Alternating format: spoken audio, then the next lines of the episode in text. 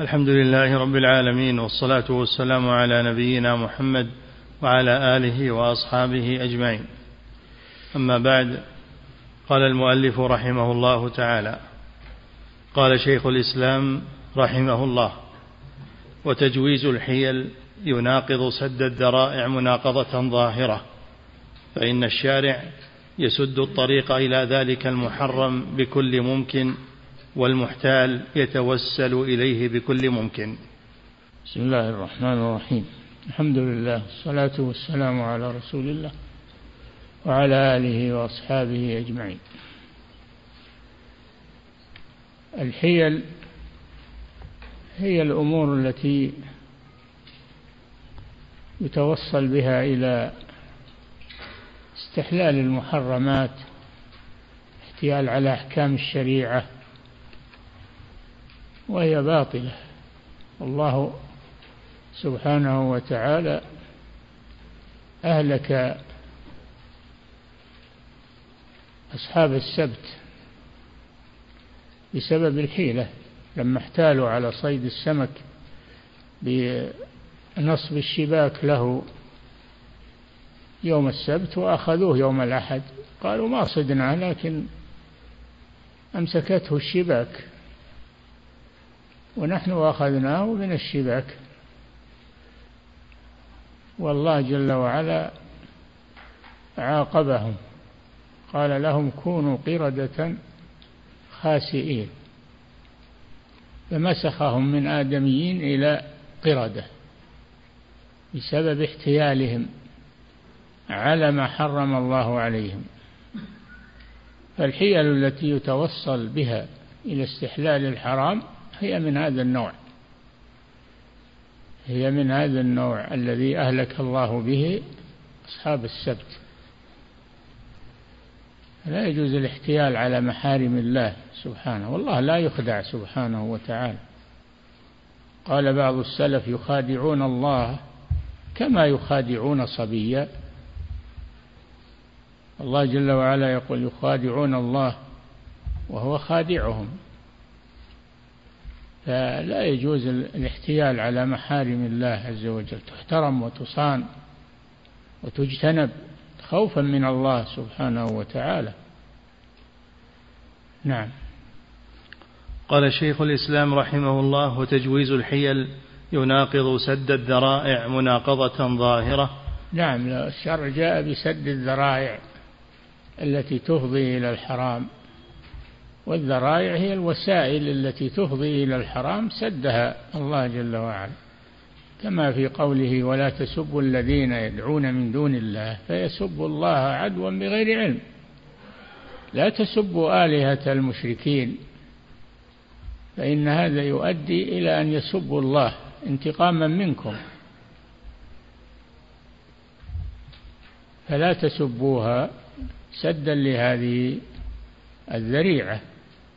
وإن كان سب آلهة المشركين أمر واجب لكن إذا كان يفضي إلى ما هو محرم فإنها لا تسب. ولا تسبوا الذين يدعون من دون الله. لا تسبوا المدعوين الذين يدعوهم هؤلاء ويشركون بهم. إذا كان هذا يفضي إلى مسبة الله سبحانه وتعالى فهذا من سد الذرائع. نعم. فإن الشارع يسد. وكما في قوله تعالى يا أيها الذين آمنوا لا تقولوا راعنا وقولوا انظرنا. انظرنا. كان كان اليهود يأتون عند رسول الله صلى الله عليه وسلم فيقولون له راعنا. والمراعاة أن أن يلقي لهم باله ويستقبل ما يقولون ثم يجيب عنه. ولكن له معنى آخر معنى راعنا يريدون به الرعونة وهي خفة العقل. فيقولون للنبي صلى الله عليه وسلم راعنا وهم يريدون المعنى السيء. المعنى السيء وهو الرعونة. الله جل وعلا سد هذا وقال لا تقولوا راعنا. يا أيها الذين آمنوا لا تقولوا راعنا وقولوا انظرنا لأن انظرنا ليس فيها ملفات و ومعنى آخر. انظرنا ولا تقولوا راعنا وقولوا انظرنا. سدا للذريعة على اليهود الذين يسبون رسول الله صلى الله عليه وسلم بهذه الكلمة وهي ظاهرها راعنا يعني انتظرنا واستمع لكلامنا هذا ظاهرها لكن لا يريدون هذا يريدون من الرعونة. نعم. فإن الشارع يسد الطريق إلى ذلك المحرم بكل ممكن والمحتال يتوسل إليه بكل ممكن. إي نعم. الله يسد هذا الطريق وهم يفتحونه محادة لله عز وجل. نعم. ولهذا اعتبر الشارع في البيع والصرف والنكاح وغيرها شروطا سد ببعضها التذرع إلى الربا والزنا. اي نعم الله جل وعلا وضع لهذه العقود صيغا واحتياطات لئلا يتوصل بها ويحتال بها إلى ما حرم الله.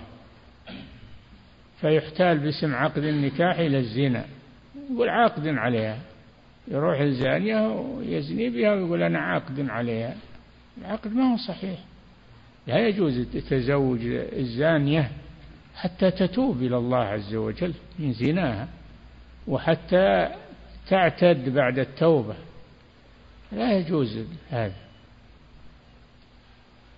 باسم النكاح هذا احتيال على ما حرم الله سبحانه وتعالى.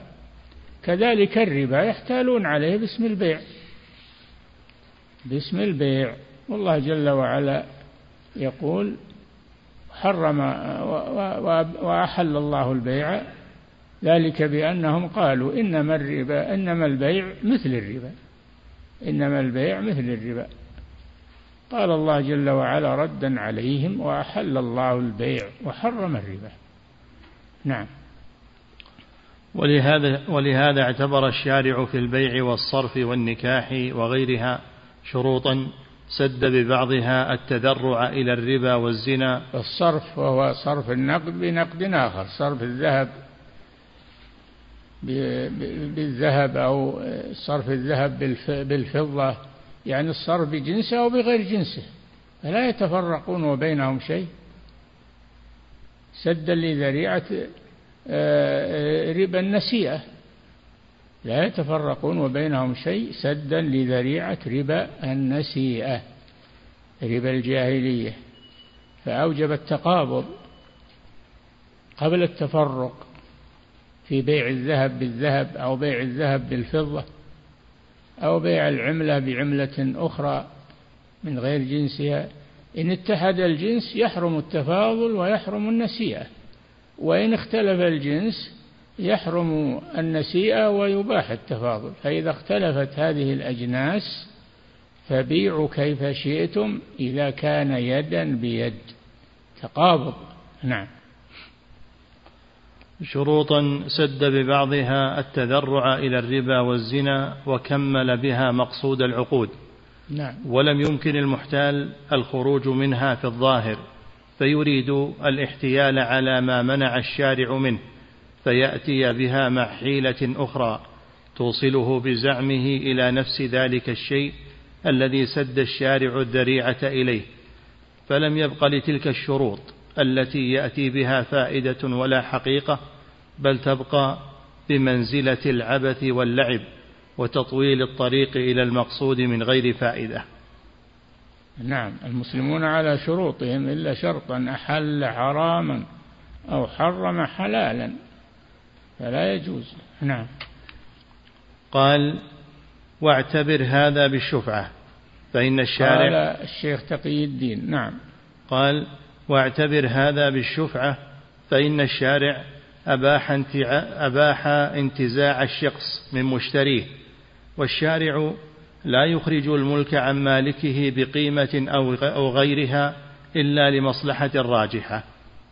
والشارع والشارع لا يخرج الملك عن مالكه بقيمة أو غيرها إلا لمصلحة راجحة وكانت المصلحة ها هنا تكميل العقار للشريك. فإنه نعم الشارع إذا صار هناك شيء مشترك عقار بيت أو أرض أو بستان مشتركة وباع أحد الشركاء نصيبه على أجنبي على أجنبي من الشركاء. فإن للشريك أن ينزع هذا الشخص من ممن اشتراه بثمنه دفعا لضرر الدخول واحد عليهم أجنبي. يضارهم أو يضايقهم فالشارع جعل الشفعة لدفع الضرر. نعم. وكانت المصلحة ها هنا تكميل العقار للشريك فإنه بذلك يزول ضرر المشاركة والمقاسمة. نعم. وليس في هذا التكميل ضرر على البائع لأن مقصوده من الثمن يحصل بأخذه من المشتري شريكا كان أو أجنبيا. ليس في الشفعة ضرر على البائع لأن الثمن سيحصل له. وإنما المراد دفع الضرر عن الشريك أن يدخل معه شريك أجنبي فيضاره وقد لا يتفقان. فلأجل هذا شرع الله الشفعة وهي انتزاع حصة الشريك بمثل الثمن الذي انتهى إليه العقد. نعم. فالمحتال لإسقاطها مناقض لمقصود الشارع. الاحتيال على إسقاط الشفعة كان يجعله باسم هبة. بعض الناس إذا أرادوا يسقطون الشفعة يقول أنا ما بعته أنا واهبه على فلان واهبه لفلان. هل مشتري يقول أنا واهبه له. وهو كذب ما وهبه وإنما باعه. ولكنه سماه هبة لأجل أن تسقط الشفعة حيلة باطلة. نعم. فالمحتال لإسقاطها مناقض لمقصود الشارع مضاد له في حكمه. فالشارع يقول لا يحل له أن يبيع حتى يؤذن شريكه فإن شاء أخذ وإن شاء ترك. والمحتال يقول لك أن تتحيل على منع الشريك من الأخذ بأنواع بأنواع من الحيل التي ظاهرها مكر وخداع وباطنها منع الشريك مما أباحه له الشارع ومكنه منه وتفويت نفس مقصود الشارع. نعم هذا في إسقاط الشفعة مضارة بالشريك فلا يجوز التحيل على إسقاطها باسم الهبة أو باسم آخر أو باسم الأجرة أو باسم نعم. والمصيبة الكبرى. إظهار المحتال أنه إنما فعل ما أذن له الشارع في فعله وأنه مكنه من المكر والخداع والتحيل على إسقاط حق الشريك وهذا بين لمن تأمله. يكذب على الشارع أنه أن الشارع أباح له أن يتصرف في ملكه وفي سهمه أباحه له نعم أباح له ذلك لكن لا يضر بالشريك. أباح له ذلك على وجه لا يضر بالشريك. فلا تدخل عليه شخصا أجنبيا يختلف معه ويضاره.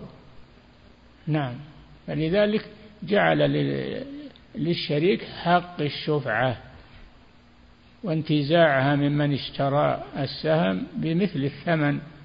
الذي استقر عليه العقد. هذا دفع هذا سد للذريعة. نعم.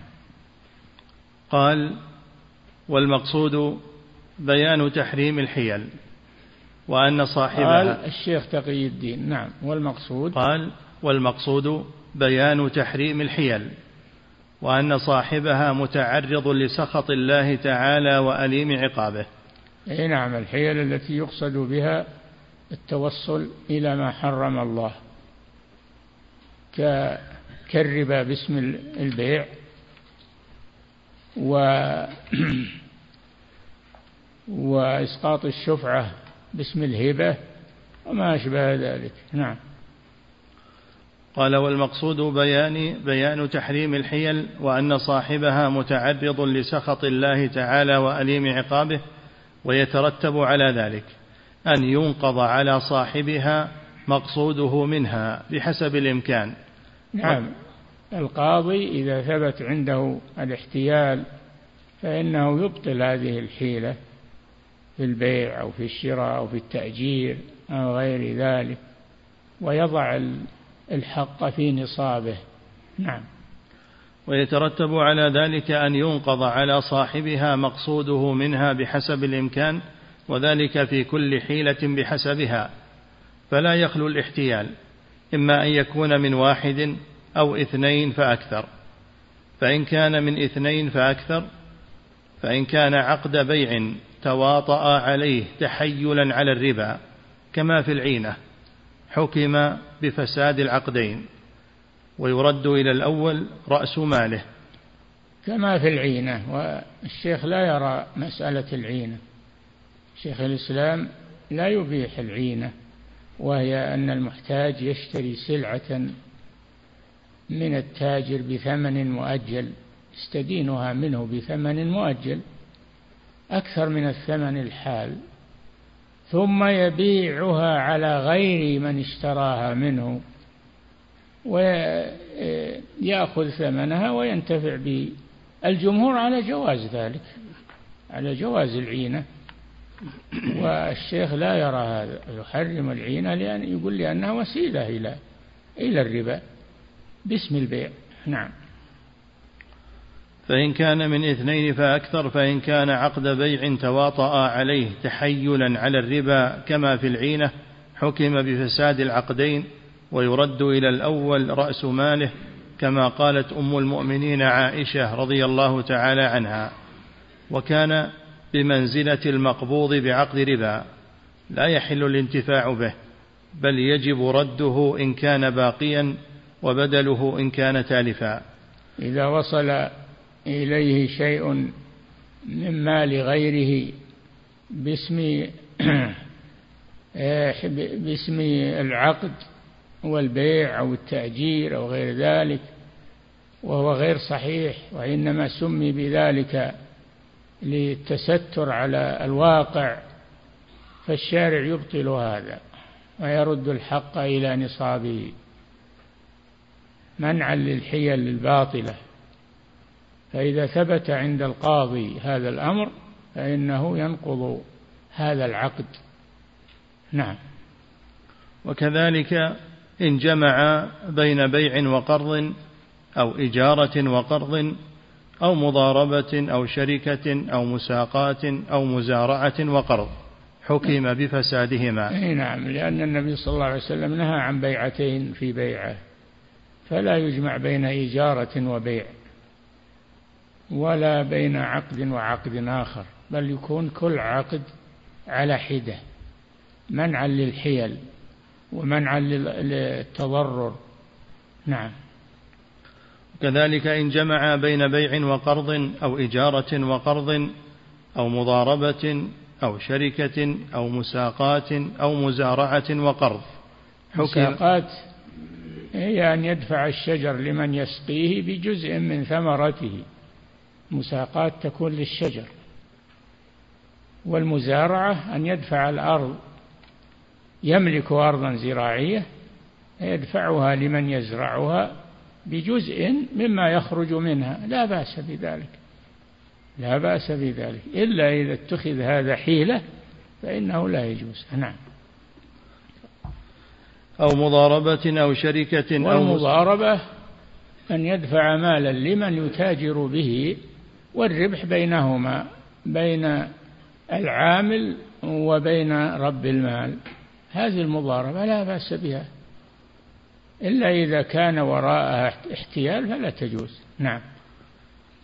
إن جمع بين بيع وقرض أو إجارة وقرض أو مضاربة أو شركة أو مساقات أو مزارعة وقرض حكم بفسادهما فيجب أن يرد عليه بدل ماله الذي جعلاه قرضا والعقد الآخر فاسد حكمه حكم العقود الفاسدة.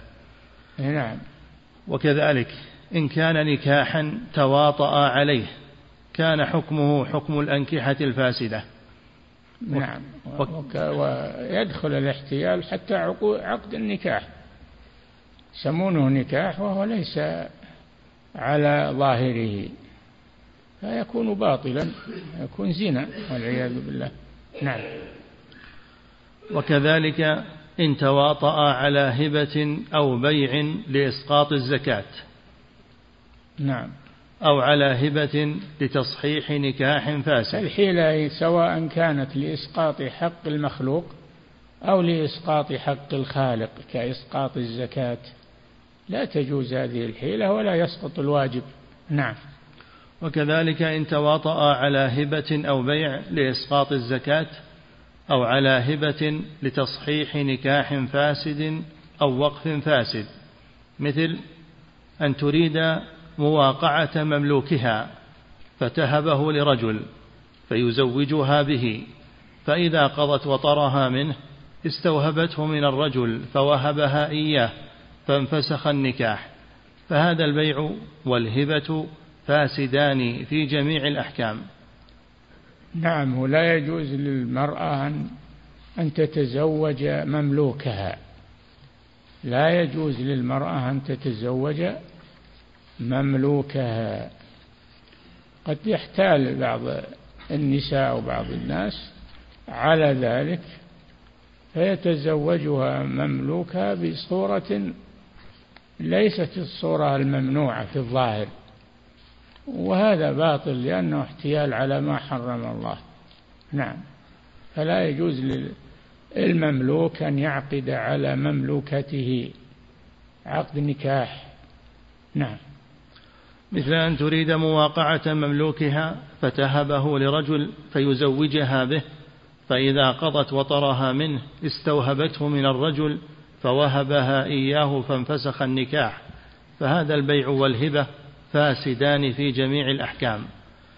لأنها لأنهما حيلة على ما حرم الله. نعم. وإن كان الاحتيال من واحد فإن كانت حيلة يستقل بها لم يحصل فإن كانت حيلة يستقل بها لم يحصل بها غرضه فإن كانت عقدا كان فاسدا مثل أن يهب لابنه هبة يريد أن يرجع فيها لئلا يجب عليه الزكاة فإن وجود هذه الهبة كعدمها. إذا كان عنده مال تجب فيه الزكاة فوهبه لابنه. في الظاهر وهبه لابنه في الظاهر. يقول المال ما هو بلي الآن صار لولدي فلان. وهو لم يهبه في الواقع وإنما سماه هبة لأجل إسقاط الزكاة. هذا باطل. نعم. فإن وجود هذه الهبة كعدمها وليست هبة في شيء من الأحكام لكن إن ظهر المقصود ترتب الحكم عليه ظاهرا وباطنا وإلا كانت فاسدة في الباطن فقط. نعم. وإن كانت حيلة لا يستقل بها مثل أن ينوي التحليل ولا يظهره للزوجة أو يرتجع المرأة إضرارا بها أو يهب ماله إضرارا لورثته ونحو ذلك. كانت هذه عدة واحدة. وإن كانت حيلة لا يستقل بها مثل أن ينوي التحليل ولا يظهره للزوجة. نعم مطلقة ثلاثا مطلقة ثلاثا وهي لا تحل لمطلقها إلا بعد أن يطأها زوج آخر ثم يطلقها الزوج الآخر. فتحل للأول.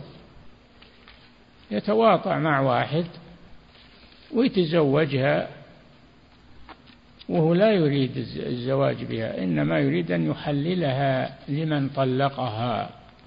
هذا حرام ولا تحل للأول. نعم. مثل أن ينوي التحليل ولا يظهره للزوجة. وقد لعن صلى الله عليه وسلم المحلل والمحلل له وسماه التيس المستعار تنفيرا منه. نعم. مثل أن ينوي التحليل ولا يظهره للزوجة أو يرتجع المرأة إضرارا بها. أو يرتجع المطلقته إذا طلق امرأة دون الثلاث له الرجعة عليها ما دامت في العدة. إذا كان قصده آه، قصدا صحيحا.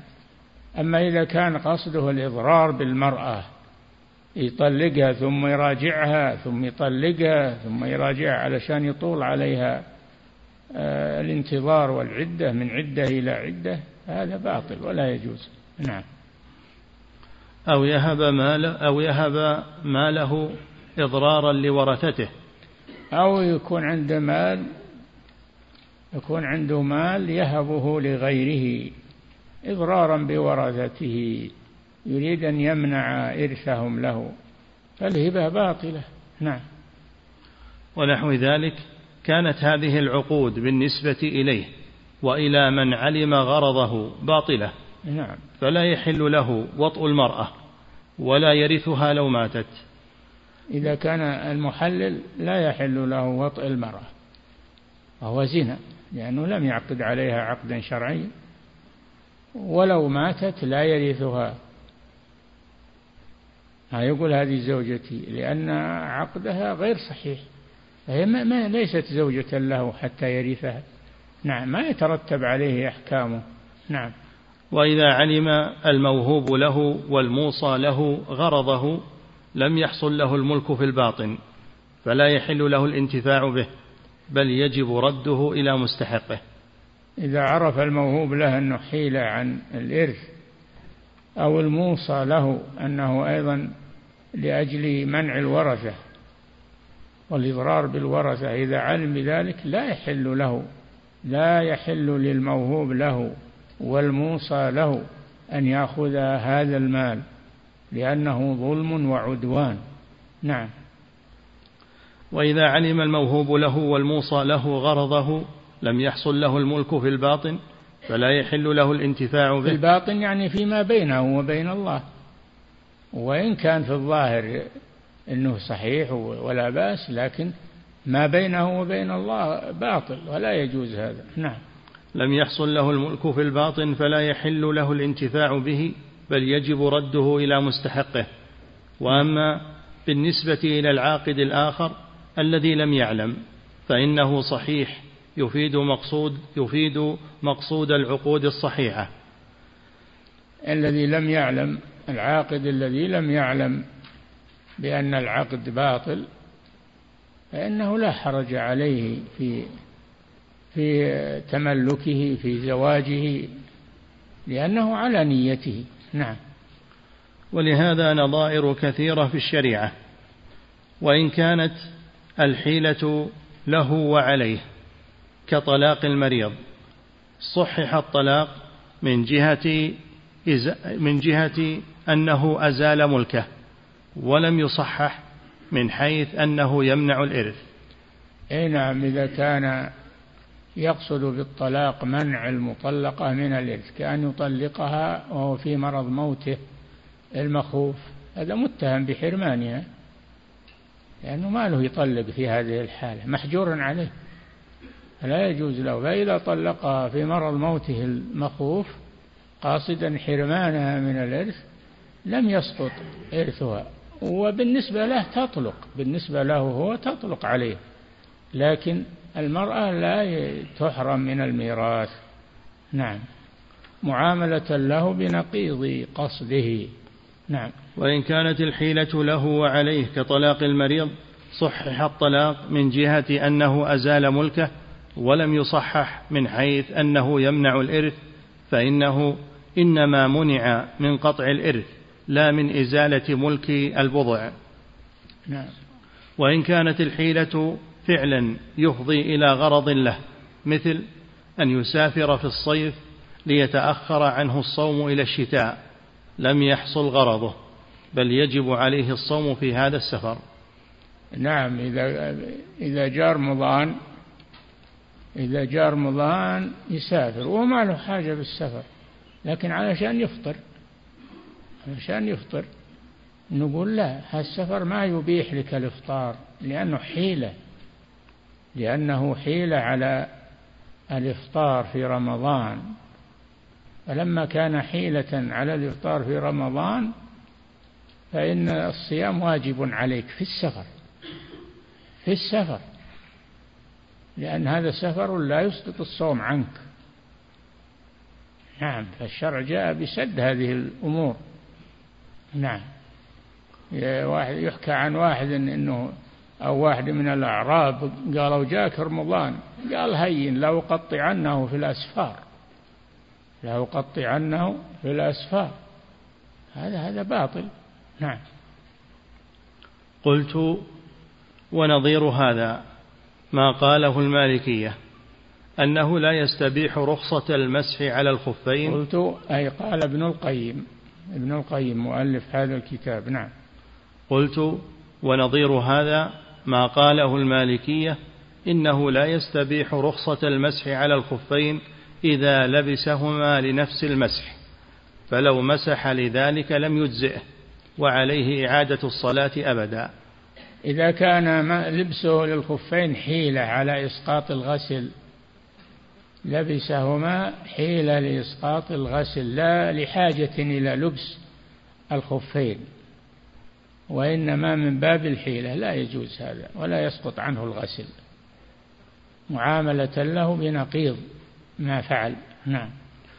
قلت ونظير هذا ما قاله المالكية إنه لا يستبيح رخصة المسح على الخفين إذا لبسهما لنفس المسح فلو مسح لذلك لم يجزئه وعليه إعادة الصلاة أبدا وإنما تثبت الرخصة في حق من لبسهما لحاجة كالبرد والركوب ونحوهما فيمسح عليهما لمشقة النزع. إذا لبس الخفين لحاجة حاجة المشي أو حاجة الدفء أو فله أن يمسح عليهم. أما إذا لبسهما لأجل المسح فقط فهذا لا يجوز ويجب عليه الغسل. نعم. وخالفهم باقي الفقهاء في ذلك. يعني بناء على الظاهر باقي الفقهاء قالوا له يمسح وله يفطر. بناء على الظاهر. وأما البواطن فلا يعلمها إلا الله. نعم. والمنع جار على أصول من رعى من راعى المقاصد. نعم.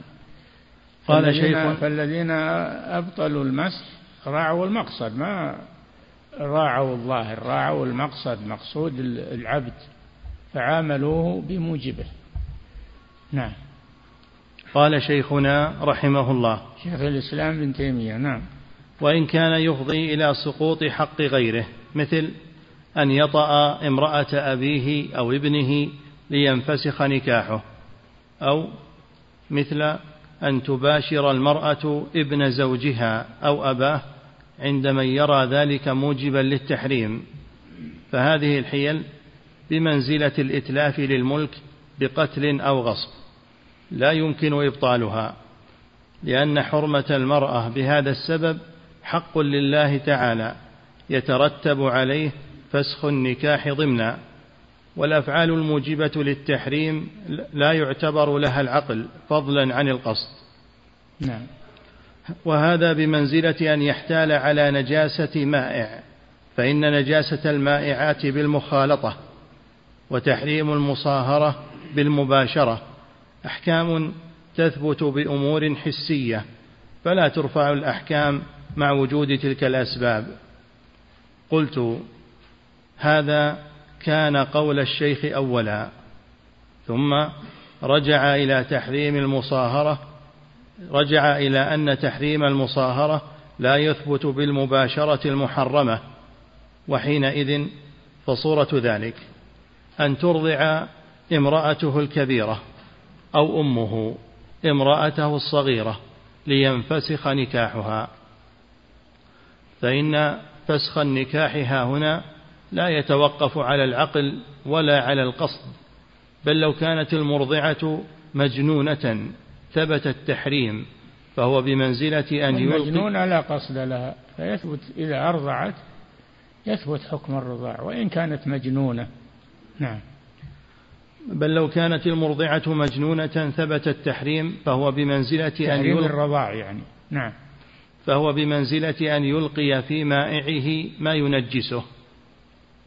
نعم. قال وإن كانت الحيلة فعلا يفضي إلى تحليل له أو لغيره مثل أن يقتل رجلا ليتزوج امرأته أو يزوجها غيره. فهنا تحل المرأة لغير من قصد تزويجها به فإنها بالنسبة إليه كمن مات عنها زوجها أو قتل بحق أو في سبيل الله. وأما بالنسبة إلى من قصد بالقتل أن يتزوج المرأة إما بمواطأة منها أو بدونها فهذا يشبه من بعض الوجوه ما لو خلل الخمر بنقلها من موضع إلى موضع من غير أن يطرح فيها شيئا. نعم. الحيل المقصود أن الحيل التي تفضي إلى محرم باطلة ولا يترتب عليها آثارها. نعم. فهذا يشبه من بعض الوجوه ما لو خلل الخمر بنقلها من موضع إلى موضع من غير أن يطرح أن يطرح الخمر فيها حرام ما إذا أسكرت واشتدت فهي حرام. لكن لو تخللت بنفسها ورجعت خلا بنفسها دون تصرف من الشخص فإنها تحل تحل بتخللها. أما لو خللها هو فإنها تحرم ولا ولا تحل بتخليله إياها. نعم. ما لو خلل الخمر بنقلها من موضع إلى موضع من غير أن يطرح فيها شيئا والصحيح أنها لا تطهر وإن كانت تطهر إذا تخللت بفعل الله تعالى. وكذلك هذا الرجل لو الخمر مات الخمر نجسة رجس. إنما الخمر والميسر والأنصاب والأزلام رجس يعني نجس. من عمل الشيطان الخمر نجسة. فلو أنه خللها من أجل أن تطهر الخل طاهر حولها إلى خل لأجل أن تكون طاهرة لم تطهر بذلك. لكن لو تخللت هي بنفسها بدون سبب من الإنسان فإنها تطهر. نعم. وكذلك هذا الرجل لو مات بدون هذا القصد حلت المرأة فإذا قتله لهذا القصد أمكن أن يقال تحرم عليه مع حلها لغيره. بالنسبة لغيره ما ما له دخل لكن بالنسبة له هو سبب في قتل زوجها من أجل أن تحل له. فتحرم عليه إبطالا لحيلته. نعم. ويشبه هذا الحلال إذا صاد الصيد وذبحه لحرام الحلال يعني غير المحرم. الحلال آه، الرجل غير المحرم. نعم. ويشبه هذا الحلال إذا صاد الصيد وذبحه لحرام فإنه يحرم على ذلك المحرم ويحل للحلال. عد. ويشبه هذا الحلال إذا صاد الصيد. الحلال يعني المحل غير المحرم. نعم. الحلال إذا صاد الصيد وذبحه لحرام. ذبحه لمحرم حرام يعني محرم. فإنه يحرم. إذا قصد إذا قصد صيده وذبحه للمحرم فإنه لا يحل للمحرم. لا يحل للمحرم لأن هذا من باب الحيلة. نعم. فإنه يحرم على ذلك المحرم ويحل للحلال. نعم. ومما يؤيد هذا. أن القاتل يمنع الإرث ولا يمنعه غيره من الورثة لكن لما كان مال الرجل تتطلع إليه نفوس الورثة. إذا قتل شخصا من أجل أن يرثه فإن هذا يمنع من الإرث لأن من موانع الميراث ثلاثة منها القتل ويمنع الشخص من الميراث واحدة من علل ثلاث رق يعني آه، عبودية رق وقتل هذا الثاني قتل. إذا قتله من أجل أن يرثه يحرم من الإرث. رق وقتل واختلاف دين. نعم. لكن لما كان مال الرجل تتطلع إليه نفوس الورثة كان القتل مما يقصد به المال بخلاف الزوجة فإن ذلك لا, لا يكاد يقصد فإن التفات الرجل إلى امرأة غيره بالنسبة إلى التفات الوارث إلى مال المورث قليل وكونه يقتله ليتزوجها فهذا أقل. فلذلك نادر أنه يقتله لأجل يتزوج امرأته. هذا نادر لا يعلق به حكم. أما أن يقتله لأجل أن يرث ماله هذا كثير معه ولذلك جعل القتل مانعا من الإرث. سدا للذريعة. نعم. وكونه يقتله ليتزوجها فهذا أقل فلذلك لم يشرع أن من قتل رجلا حرمت عليه امرأته كما شرع أن من قتل مورثا منع ميراثه. نعم. فإذا قتله ليتزوج بها فقد وجدت الحكمة فيه فيعاقب بنقيض قصده. إذا ثبت هذا أنه أنه قتله من أجل أن يتزوج بامرأته فإنه يحرم من الزواج بها معاملة له بنقيض قصده وسدا للذريعة أيضا. نعم. وأكثر ما يقال في رد هذا أن الأفعال المحرمة لحق الله سبحانه لا تفيد الحل كذبح الصيد وتخليل الخمر والتذكية في غير المحل أما المحرم لحق الآدمي كذبح, المغ... كذبح المغصوب فإنه يفيد الحل. أو نعم. يقال. إن الفعل المشروع لثبوت, الح... لثبوت الحكم يشترط فيه وقوعه على الوجه المشروع كالزكاة والقتل لم يشرع بحل المرأة وإنما انقضى النكاح بانقضاء الأجل فصار الحل ضمنا وتبعا. نعم. ويمكن أن يقال في جواب هذا إن قتل الآدمي حرام لحق الله تعالى وحق الآدمي. ولهذا لا يستباح بالإباحة بخلاف ذبح المغصوب فإنه حرم لمحض حق الآدمي. ولهذا لو أباحه حل. فالمحرم لو هنا أباحه المغصوب منه سمح له حل ما بيده وإن كان غاصبا له في الأول. لكن لما عفى عنه سامح صار له هبة. نعم. فالمحرم هناك إنما هو تفويت المالية على المالك لا إزهاق الروح.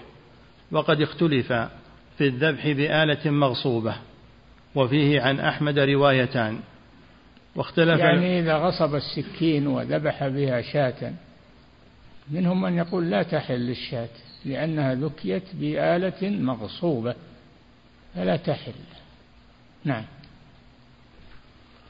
وقد اختلف في الذبح بآلة مغصوبة وفيه عن أحمد روايتان واختلف العلماء في ذبح المغصوب وقد نص أحمد على أنه ذكي. وفيه حديث رافع ابن خديج على أنه ذكي يعني يحل. نعم. وفيه حديث رافع بن خديج في ذبح الغنم المنهوبة والحديث الآخر في المرأة التي أضافت النبي صلى الله عليه وسلم فذبحت له شاة أخذتها بدون إذن أهلها فقال أطعموها الأسارى. إيه نعم ولم يأكل منها صلى الله عليه وسلم تورعا. نعم. وفي هذا دليل على أن المذبوح بدون إذن أهله يمنع من أكله المذبوح له دون غيره.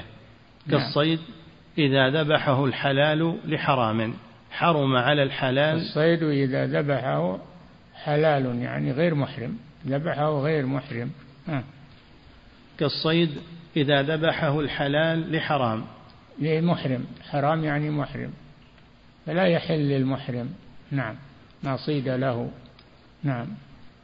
كالصيد إذا ذبحه الحلال لحرام حرم على الحرام دون الحلال. حرم على المحرم دون المحلين الذين لم يحرموا. يعني حرم على المذبوح من أجله دون غيره ممن لم يذبح لأجله. نعم. وقد نقل صالح عن أبيه. صالح بن أحمد لأن أحمد له ابنان عبد الله وهو الأكبر وصالح. نعم. وقد نقل صالح عن أبيه في من سرق شاة فذبحها. قال لا يحل أكلها يعني له. قلت لأبي فإن ردها على صاحبها قال تؤكل. إي نعم هو الذي ذبحها وقد سرقها لا تحل له لأنها مغصوبة. فلو ردها وهي مذبوحة إلى صاحبها حلت لصاحبها لأنها ماله وقد ذكيت. نعم. فهذه الرواية قد يؤخذ منها أنها حرام على الذابح مطلقا لأن أحمد لو قصد التحريم من جهة أن المالك لم يأذن له في الأكل لم يخص الذابح بالتحريم. فهذا القول الذي دل عليه الحديث في الحقيقة حجة لتحريم مثل هذه المرأة على القاتل. نعم. فهذا القول الذي دل عليه الحديث في الحقيقة حجة لتحريم مثل هذه المرأة على القاتل ليتزوجها دون غيره بطريق الأولى. هذا كله كلام شيخنا رحمه الله. شيخ الإسلام بن تيمية نعم. وبعد فالتحريم مضطرد على قواعد أحمد ومالك من وجوه متعددة منها مقابلة الفاعل بنقيض قصده كطلاق الفار وقاتل مورثه. نعم. فالتحريم منها مقابلة الفاعل فالتحريم مضطرد على قواعد أحمد ومالك من وجوه متعددة منها مقابلة الفاعل بنقيض, بنقيض قصده نعم، كطلاق فمن الفار. فمن, فمن ذبح مغصوبا لأجل أن يأكله حرم عليه ويحل لغيره لأنه مذكى. نعم. منها مقابلة الفاعل بنقيض قصده كطلاق الفار وقاتل مورثه وقاتل الموصي والمدبر إذا قتل سيده. ليتعجل العتق. نعم. ومنها سد الذرائع ومنها تحريم الحيل ومنها تخليل الخمر. كما ذكر شيخنا رحمه الله والله أعلم. فتلخص أن الحيل نوعان أقوال وأفعال. فالأقوال يشترط لثبوت أحكامها العقل ويعتبر فيها القصد. وتكون صحيحة تارة وفاسدة أخرى.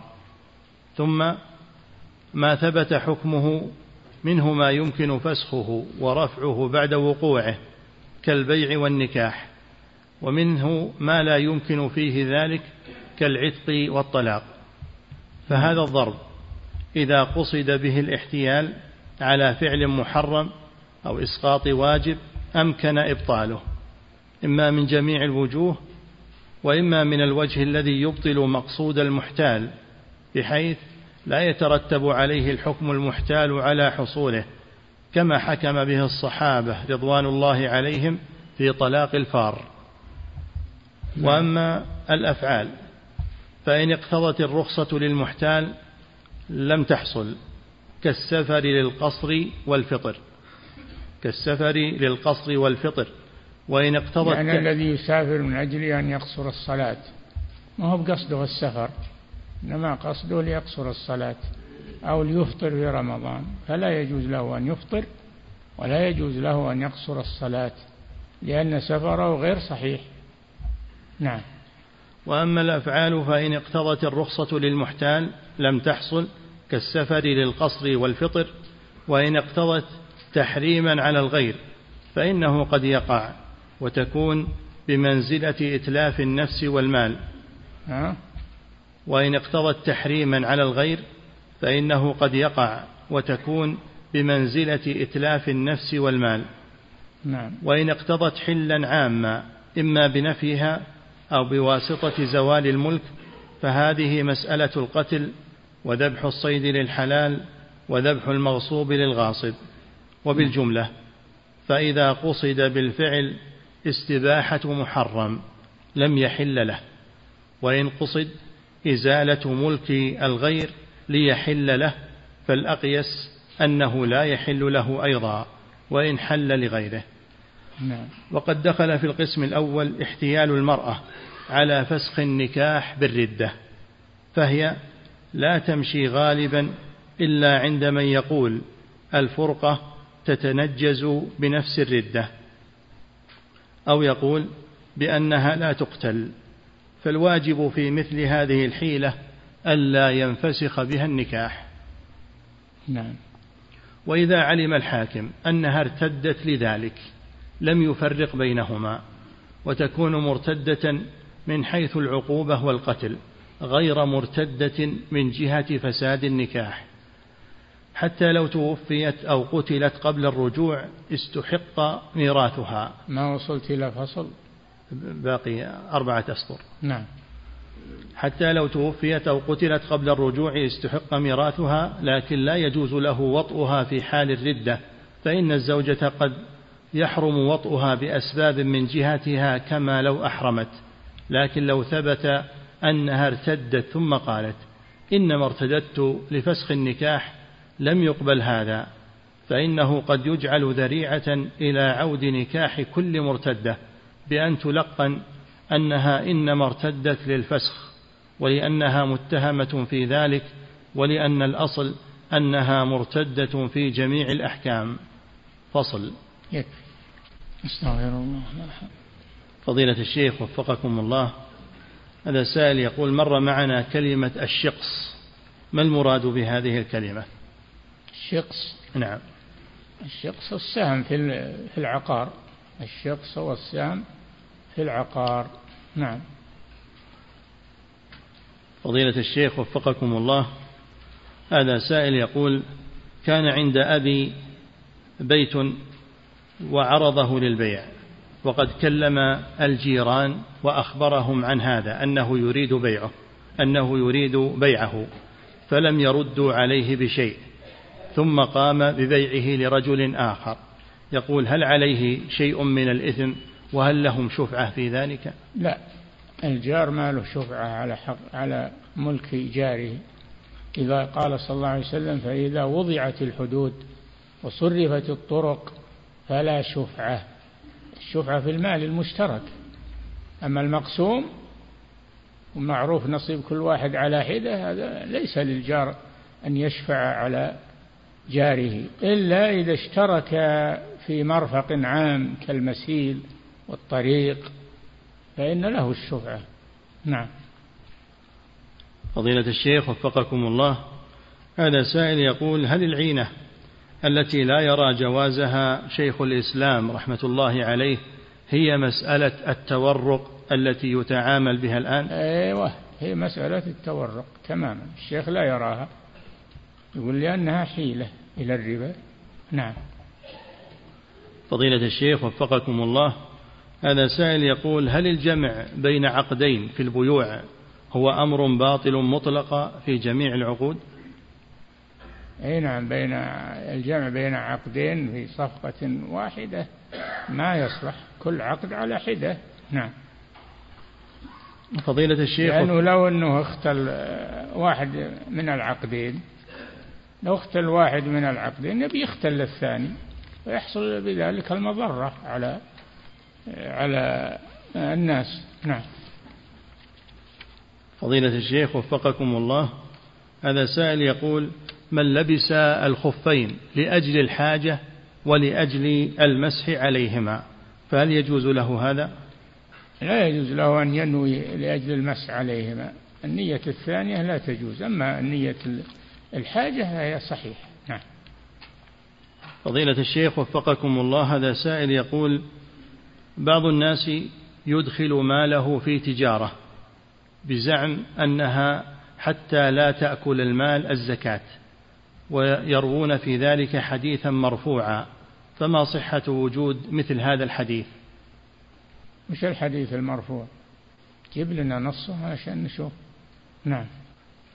فضيلة الشيخ وفقكم الله هذا سائل يقول بقول الرسول صلى الله عليه وسلم إذا تبايعتم بالعينة وأخذتم أذناب البقر وتركتم الجهاد يقول ما المراد بقوله عليه الصلاة والسلام وأخذتم أذناب البقر؟ قالوا معناه والله أعلم أنهم يتركون الخيل التي هي دواب الجهاد ويأخذون بأذناب البقر للحرث وينشغلون بالحرث والزراعة عن الجهاد في سبيل الله. نعم. فضيلة الشيخ وفقكم الله هذا سائل يقول هناك أخت لي ترفض أن تتواصل مع والدها بحجة أنه لا يسأل عنها ولا يهتم بها وأنها تركها عند أخو عند أخيها وهي بحاجة له. بعد وفاة أمهما. يقول ما نصيحتكم لهذه الأخت تجاه والدها وتركها له؟ نصيحتنا أن تتوب إلى الله وأن تبر بوالدها لأن هذا عقوق. هذا عقوق لوالدها. حقه لا يسقط عنها ولو أساء إليها فحقه لا يسقط عنها. فعليها أن تبر به وتحسن إليه. نعم. فضيلة الشيخ وفقكم الله القتل الذي يمنع الميراث هل هو القتل عمدا أو جميع أنواع القتل؟ جميع أنواع القتل حتى لو شهد عليه القصاص ما يرث لأنه تسبب في قتله. نعم. سدا للذريعة. نعم. فضيلة الشيخ وفقكم الله هذا سائل يقول ما الضابط في الجمع بين صلاتي المغرب والعشاء عند نزول المطر أو بسبب المطر.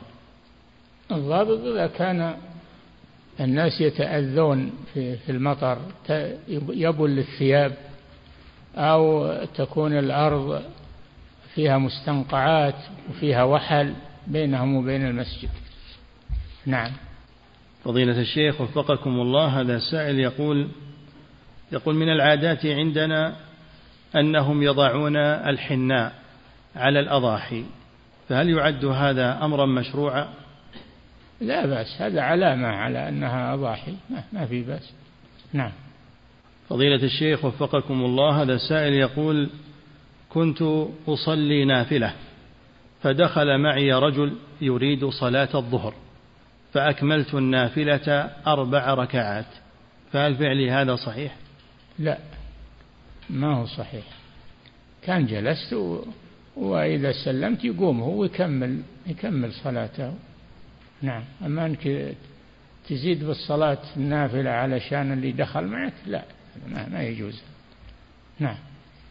فضيلة الشيخ وفقكم الله هذا سائل من إخوتنا يقول الجنود المرابطين في الحد في المراكز الجبلية.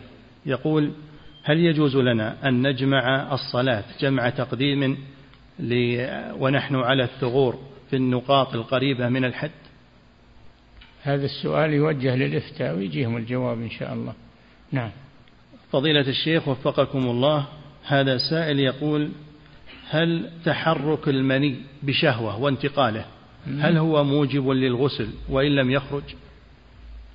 لا ما دام لم يخرج لا يترتب عليه شيء. نعم. فضيلة الشيخ وفقكم الله هذا سائل يقول إذا لم يعق الوالد عن ولده حتى بلغ حتى بلغ خمسة عشرة سنة يقول هل يعق عنه بعد ذلك؟ فات وقتها فات وقتها نعم فضيلة الشيخ وفقكم الله عند الجمع بين الصلاتين صلاتي المغرب والعشاء هل يأتي بالأذكار قبل المج... عند الجمع بين صلاتي المغرب والعشاء. هل يأتي بالأذكار بين الصلاتين أذكار المغرب ثم يقيم فيصلي ويأتي بأذكار العشاء؟ لا يواصل الجمع ويأتي بالأذكار بعد بعد الصلاة الثانية. يأتي بالأذكار بعد الصلاة الثانية. نعم. فضيلة الشيخ وفقكم الله في قول الله عز وجل إلا من تاب وآمن وعمل عملا صالحا فأولئك يبدل الله سيئاتهم حسنات وكان الله غفورا رحيما. هل يدخل في ذلك الكفار إذا أسلموا أنه تبدل أعمالهم حسنات؟ الآية على ظاهرها وهذا وعد من الله سبحانه وتعالى والله لا يخلف وعده. كل تائب كل تائب من يتناوله هذا الوعد الكريم من الله سبحانه وتعالى.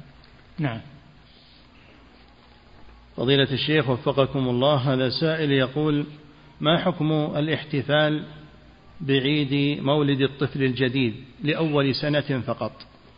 لا يجوز الاحتفال بالموالد لأن هذا بدعة هذا بدعة وكل بدعة ضلالة. نعم. فضيلة الشيخ وفقكم الله هذا سائل يقول عند قول أهل العلم أن هذا الأمر حرام أو أنه لا يجوز. هل بينهما فرق في الإثم؟ لا ليس بينهما فرق. الحرام هو الذي لا يجوز والذي لا يجوز هو الحرام. نعم. فضيلة الشيخ وفقكم الله هذا سائل يقول الأماكن التي قصدها النبي صلى الله عليه وسلم كالصلاة في المسجد الحرام والمسجد النبوي وقباء. سؤاله هل يجوز بأن نقول إن النبي صلى الله عليه وسلم إنما قصدها لذاتها لذات البقعة؟ قصدها لفضلها قصدها لفضلها ومكانتها عند الله سبحانه وتعالى. نعم. فضيلة الشيخ وفقكم الله هذا سائل يقول إذا ذبحت شاة بدون إذن صاحبها وطبختها لضيافة شخص ثم بعد ذلك أذن المالك لهذا الفعل. فهل تحرم على الضيف؟ هل يحرم عليه أن يأكل منها؟ تحرم على الذابح على الغاصب. نعم. فضيلة الشيخ وفقكم الله هذا سائل يقول هل يشرع تسجيل المصحف تسجيل القرآن ونشره عن طريق مقاطع في الجوالات؟ ثم إهداء ثوابه للميت ليكون صدقة جارية عنه فقد كثر مثل هذا الأمر. إيش؟ هل يجوز تسجيل المصحف قراءة القرآن ونشره عن طريق مقاطع في الجوالات ثم إهداء ثوابه للميت حتى يكون صدقة جارية عنه فقد كثر مثل هذا الأمر؟ ما دام أنه كثر وقع فيكتب للإفتاء وينظرون فيه. نعم. فضيلة الشيخ وفقكم الله هذا سائل يقول هل يشترط للصلاة على الجنازة أن يكون على طهارة أن يكون المصلي على طهارة؟ نعم. صلاة هي صلاة. ولا تصح الصلاة إلا بالطهارة. إذا قمتم إلى الصلاة فاغسلوا وجوهكم. إلى آخر الآية هذا عام صلاة الجنازة وصلاة الفريضة وصلاة النافلة. نعم. صلاة الكسوف صلاة العيد كل صلاة. نعم. فضيلة الشيخ وفقكم الله هذا سائل يقول من أراد نسك التمتع فهل يجوز له أن يجعل الحج عنه؟ وأما العمرة فهي عن غيره. نعم لا بأس بذلك. تكون العمرة عن واحد والحج عن آخر. نعم. فضيلة الشيخ وفقكم الله هذا سائل يقول هل حفظ القرآن واجب على كل مسلم أن يحفظه عن ظهر قلب؟ لا ما هو واجب. ما هو واجب لكنه أفضل وأحسن. نعم. فضيلة الشيخ الواجب أن يحفظ ما يحتاج إليه في صلاته. يحتاج إليه في صلاته هذا واجب. أما غيره فهذا فضيلة ونافلة. نعم. فضيلة الشيخ وفقكم الله هذا سائل يقول هل من علامات محبة الله عز وجل للشخص أنه يكون محبوبا وله قبول عند الناس وأن هذا من البشرى للمؤمن؟ نعم هذا ورد في الحديث أن الله إذا أحب شخصا أمر الملائكة أن يحبوه. في السماء ثم يوضع له القبول في الأرض. نعم. فضيلة الشيخ وفقكم الله هذه امرأة تسأل فتقول امرأة تكبر تكبيرة الإحرام وتركع وتسجد وتصلي أول ركعة ثم لا تستطيع القيام في الركعة الأخرى فتكمل الصلاة وهي جالسة لأنها مريضة. هل صلاتها على هذه الحال صحيحة؟ نعم. صلاتها صحيحة. تقوم إذا قدرت على القيام وتجلس إذا عجزت عن القيام في صلاة واحدة لا بأس. نعم. اتقوا الله ما استطعتم. نعم. فضيلة الشيخ وفقكم الله هذا سائل يقول أحد طلبة العلم. يقول إن الرسول صلى الله عليه وسلم لما سئل كيف نصلي عليك؟ قال قولوا اللهم صل على محمد ولم يقل صلوا على الرسول محمد اللهم صل على الرسول محمد تواضعا منه. فيشرع للمسلم بعد ذلك أن يقول في التشهد اللهم صل على الرسول محمد. لا هذه زيادة منه هذه زيادة من غير مقبولة لا يزاد على الحديث. كما الحديث يروى كما جاء ويعمل به كما جاء. نعم. فضيلة الشيخ وفقكم الله. هذا سائل يقول ما يسمى بزواج المسيار؟ هل يعتبر من من باب الحيل التي مرت معنا في هذا الكتاب؟ زواج المسيار يحتاج أن يكتب سؤال ويرسل للإفتاء ينظر فيه. نعم. فضيلة الشيخ وفقكم الله. هذا سائل يقول ما معنى ما ورد في قوله عز وجل الزاني لا ينكح إلا زانية أو مشركة؟ هل معنى ذلك أنه يباح له هذا الأمر؟ لا. معناه أنه ما, ما هو بإذن له بذلك. ما هو بإذن له بذلك. ولكنه ذكر لواقعه وهذا من باب التنفير. هذا من باب التنفير لا من باب الإباحة أنه يباح له ينكح الزاني. نعم. فضيلة الشيخ وفقكم الله. هذا سائل يقول إذا جمع الإنسان بين صلاتي المغرب والعشاء لعذر فهل يصلي راتبة المغرب بعد العشاء؟ لا بس صليها. نعم.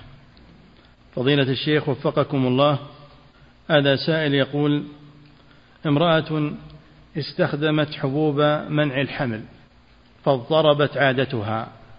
تأتي أحيانا لمدة أسبوع فتنقطع ثم تأتي بعد أسبوعين فترى شيئا يسيرا.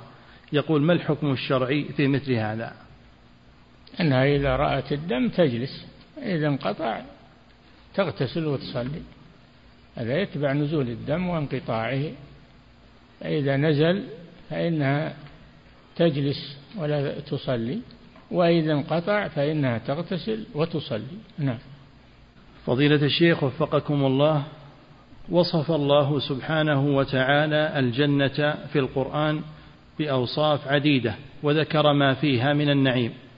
وجاء حديث عن النبي صلى الله عليه وسلم أن الجنة فيها ما لا عين رأت ولا أذن سمعت ولا خطر على قلب بشر. يقول كيف الجمع بين هذا وهذا؟ لا تعارض بينهما بل فيها ما يعرف وفيها ما لا يعرف.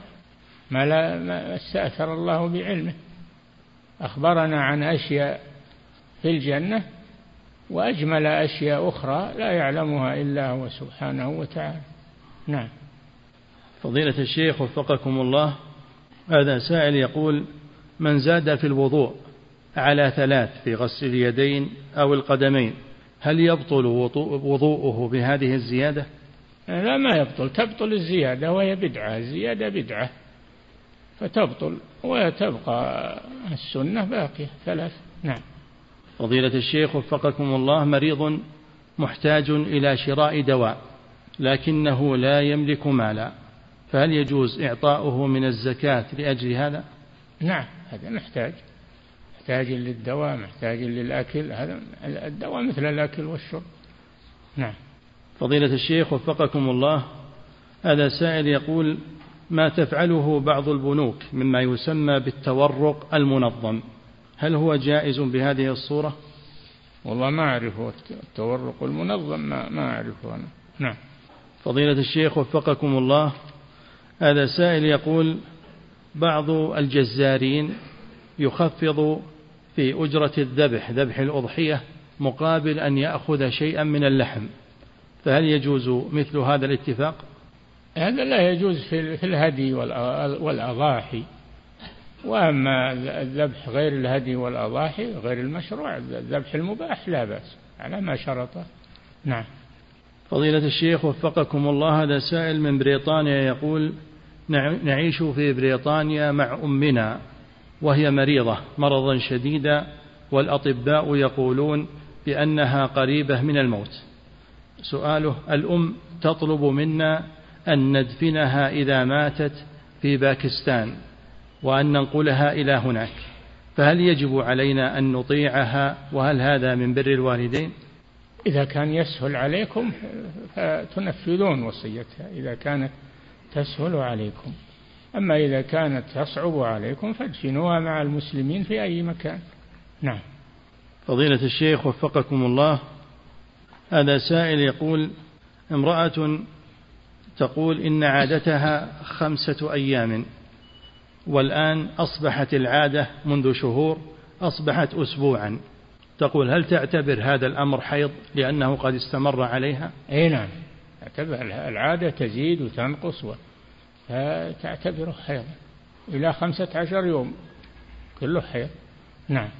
فضيلة الشيخ وفقكم الله هذا سائل يقول هل يجوز المسح على الشراب الخفيف أو الرقيق؟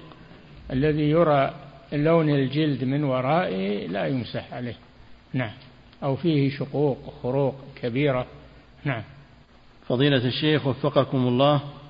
هذا سائل يقول الذي في قول الله عز وجل الذين آتيناهم الكتاب من قبله هم به يؤمنون. هل يدخل في ذلك الهندوسية؟ لأنه في كتبهم ذكر النبي صلى الله عليه وسلم. ما هم بها الكتاب الهندوسية ما هم بها الكتاب. الله يقول الذين آتيناهم الكتاب اليهود والنصارى ولا يدخل فيهم الهندوس و... نعم. فضيلة الشيخ وفقكم الله هذا سائل يقول في بعض وكالات السيارات يضعون فتوى معلقة مكتوبة من بعض طلبة العلم بتحليل البيع المنتهي بالتمليك. يقول ونعلم فتوى هيئة كبار العلماء ما الواجب في مثل هذا الأمر وما واجب المعارض حيال ذلك؟ الواجب أن عليهم المسؤولية هم اللي علقوها عليهم المسؤولية. نعم. فضيلة الشيخ وفقكم الله هذا سائل يقول من أراد أن يصلي الوتر ثلاث ركعات فهل يصليها بسلام واحد أو بسلامين؟ لا بسلامين. الشفع والوتر. يأتي بالشفع ثم يأتي بالوتر. وإذا كان الوقت ضيقا فلا بأس أن أن يجمعها بسلام واحد لكن لا يجعل جلوسا في وسطها. لأن النبي صلى الله عليه وسلم نهى عن تشبيهها بصلاة العشاء. لا يجلس في وسطها. يسردها سردا. نعم. فضيلة الشيخ وفقكم الله هذا سائل يقول ابن وقع له حادث حادث سير ومعه والده. فتوفي الوالد في هذا الحادث مباشرة. هل يمنع هذا الابن من الميراث؟ نعم عموم الحديث يمنع يمنعه من الميراث وهو المذهب والعمل عليه. نعم. فضيلة الشيخ وفقكم الله هذا سائل يقول هل يجوز للمرأة أن تطلب معرفة جنس الجنين من الأطباء حال حملها هل هو ذكر أو أنثى؟ وش الداعي. ما له داعي. فلا تعمل هذا. نعم. فضيلة الشيخ وفقكم الله وكذلك تسأل فيما يسمى بأطفال الأنابيب. يعرض الأطباء هناك على المرأة وعلى الزوج هل, يريد هل يريدان أن يكون هذا الطفل ذكرا أو أنثى؟ فهل يجوز مثل هذا الأمر؟ وهل لهما الاختيار؟ ولا أرادوا أنه ذكر يصير ذكر.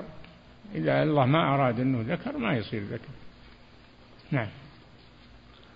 انتهى وفقكم. الله تعالى أعلم وصلى الله وسلم على نبينا محمد وعلى آله وصحبه.